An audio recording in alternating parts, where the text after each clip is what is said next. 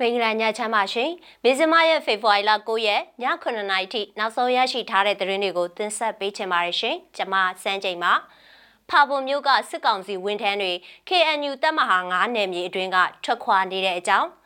ဒုတိယဗိုလ်ချုပ်ကြီးရာပြည့်စစ်ကောင်စီအဖွဲ့ဝင်ဖြစ်လာပြီးတော့ဗိုလ်ချုပ်ကြီးမောင်မောင်ကျော်ပျောက်ဆုံးနေတဲ့အကြောင်း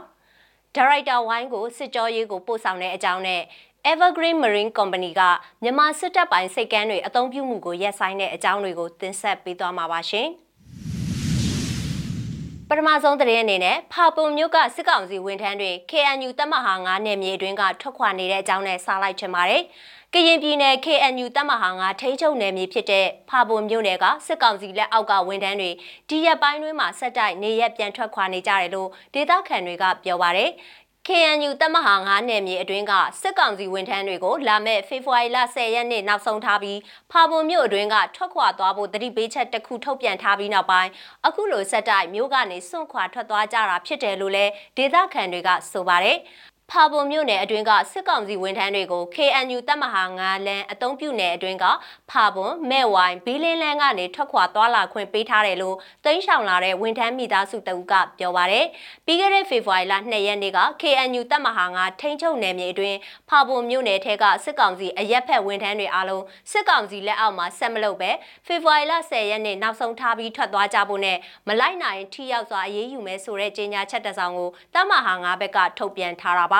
ဖာပုံမြို့ဝန်ထမ်းတွေဖေဖော်ဝါရီလ10ရက်ထွက်သွားပေးရမယ်ဆိုတာကတမဟာငါကအမိန့်ထုတ်ထားတော့နယ်ဝေးကဝန်ထမ်းတွေလူကြီးအလစ်မှာပြန်ပြေးကြတယ်ဝန်ထမ်းတချို့လည်းဘီလင်းမဲ့ဝိုင်ဖာပုံ KNU နယ်မြေတောလန်းကနေပြန်ကြတယ် နေခံဝန်ထမ်းတွေကတော့မြိုင်ကြီးငူဘက်ပြောင်းနေကြတယ်အခုဆယ်ရက်ပြည့်တော့မယ်လူကြီးပိုင်းဝန်ထမ်းနဲ့တချို့တွေကတော့ဖာပွန်စစ်တပ်ကပေးမပြန်ဘူးဝန်ထမ်း90လောက်ရှိနေကြသေးတယ်လစာတွေလည်းမရကြသေးဘူးဖာပွန်ကမမောင်ကားလန်းကတရားတွေကျိုးနေတယ်မိုင်းတွေရှိနေတဲ့အကြောင်းတောလန်းကပတ်ပြီးပြန်ခဲ့ရတယ်လို့ဖာပွန်မြို့ကနေကမမောင်မြို့ဘက်ကိုပြန်လာတဲ့ဝန်ထမ်းမိသားစုဝင်တဦးကပြောကြောင်း BBC ရဲ့သတင်းတရက်မှာဖော်ပြထားပါတယ်ရှင်။ နောက်ထပ်တင်ဆက်ပေးချင်တဲ့သတင်းကတော့ဒုတိယဗိုလ်ချုပ်ကြီးရာပြည့်ဟာအာနာသိန်းစစ်ကောင်စီရဲ့နောက်ဆုံးတိုးချဲ့လိုက်တဲ့အဖွဲ့ဝင်တစ်ဖြစ်လာပါတယ်။စစ်ကောင်စီအစိုးရမှာရုံးဝင်ကြီးဖြစ်တဲ့စစ်တပ်ကတူအပတ်စဉ်22ဆင်းဒုတိယဗိုလ်ချုပ်ကြီးရာပြည့်ကိုကောင်စီအဖွဲ့ဝင်အဖြစ်ခန့်အပ်လိုက်ကြောင်းအမိန့်စာဖေဖော်ဝါရီလ10ရက်နေ့ကထွက်လာခဲ့ပါတယ်။ အမျိုးသားဒီမိုကရေစီအဖွဲ့ချုပ် NLD အစိုးရလက်ထက်မှာငြိမ်းချမ်းရေးလုပ်ငန်းစဉ်အတွက်စစ်တပ်ကိုယ်စားလှယ်အစုအဖွဲ့ဘက်ကဦးဆောင်ခဲ့သူဒုတိယဗိုလ်ချုပ်ကြီးရာပြည့်ဟာစစ်ကောင်စီရဲ့ဒုတိယဥက္ကဋ္ဌဒုတိယဗိုလ်ချုပ်မှုကြီးစိုးဝင်းနဲ့စစ်တပ်ကတော်အပတ်စဉ်သူဖြစ်တဲ့စစ်စင်ရေးအထူးအဖွဲ့မှူးတမတော်လေ့ကျင့်ရေးအရာရှိချုပ်စစ်ဥပဒေချုပ်တာဝန်တို့ကိုထမ်းဆောင်ခဲ့ပူပါတယ်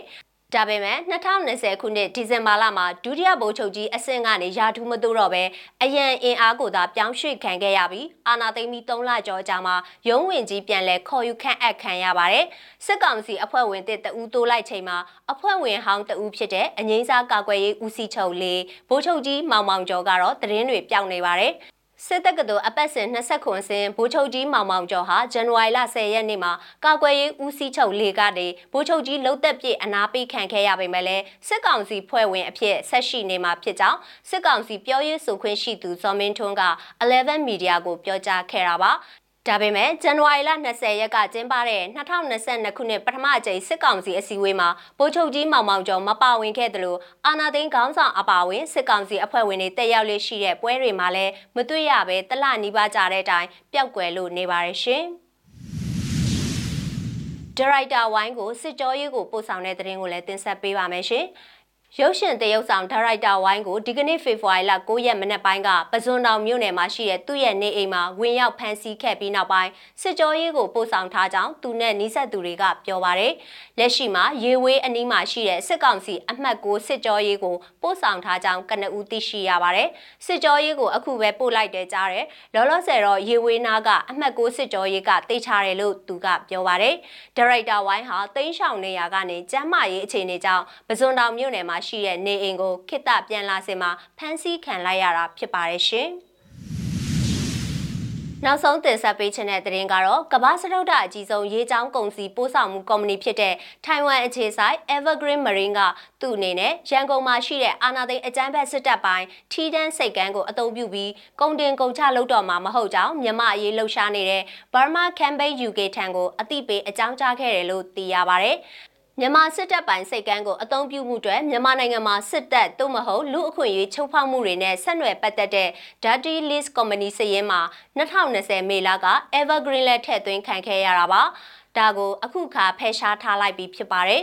မြန်မာစစ်တပ်ပိုင်စိတ်ကမ်းတွေကိုရှောင်ကျဉ်တဲ့ပင်လယ်ရေကြောင်းကုန်စည်ပို့ဆောင်ရေးကုမ္ပဏီများထဲမှာအခုနောက်ဆုံး Evergreen လဲပါဝင်လာတာဖြစ်ပြီးအဲ့ဒီမတိုင်ခင်2020အောက်တိုဘာလကလည်းတခြားသောပင်လယ်ရေကြောင်းကုန်စည်ပို့ဆောင်ရေးကုမ္ပဏီကြီးတစ်ခုဖြစ်တဲ့ Max ကလည်းမြန်မာစစ်တပ်ပိုင်စိတ်ကမ်းတွေမှာကုန်တင်ကုန်ချလုပ်တော့မှာမဟုတ်ဘူးလို့ထုတ်ဖော်ထားခဲ့ပြီးဖြစ်ပါတယ်မြန်မာအာဏာသိမ်းစစ်တပ်ပိုင်လုပ်ငန်းစုတွေကရန်ကုန်မှာစိတ်ကမ်း၃ခုပိုင်ဆိုင်ပြီးအဲ့ဒါတွေကတော့ထီတန်းစိတ်ကမ်းအလုံနိုင်ငံတကာစိတ်ကမ်းနဲ့ TMT စိတ်ကမ်းတို့ဖြစ်ပါတယ်။စစ်တပ်ပိုင်စိတ်ကမ်းတွေအသုံးပြုမှုရက်ဆိုင်တဲ့ Evergreen ရဲ့ဆုံးဖြတ်ချက်ကိုအထူးတလဲကြိုဆိုပါတယ်။ဒါဟာစစ်တပ်အတွက်ဝင်ငွေရင်းမြစ်တစ်ခုလျော့သွားတာပဲဖြစ်ပါတယ်လို့ Burma Campaign UK ရဲ့ညွှန်ကြားရေးမှူးတဦးဖြစ်တဲ့ Mark Permanen ကပြောပါတယ်။ Evergreen ဟာအရွယ်စားကြီးမားပြီးဈေးကွက်ဥဆောင်ရေးချောင်းကုန်စည်ပို့ဆောင်ရေးကုမ္ပဏီတစ်ခုဖြစ်ပြီးအခုချိန်မှာတော့မြန်မာစစ်တပ်ပိုင်စိတ်ကမ်းတွေအသုံးပြုဖို့ညှင်းဆန်လိုက်ပါပြီ။မြန်မာစစ်တပ်ပိုင်စိတ်ကမ်းတွေကိုအသုံးပြုတဲ့ရေချောင်းကုန်စည်ပို့ဆောင်ရေးကုမ္ပဏီတွေဟာမြန်မာစစ်တပ်ရဲ့လူအခွင့်အရေးချိုးဖောက်မှုတွေကိုကူညီငွေကြေးထောက်ပံ့ပေးနေတာပဲဖြစ်တယ်လို့သူက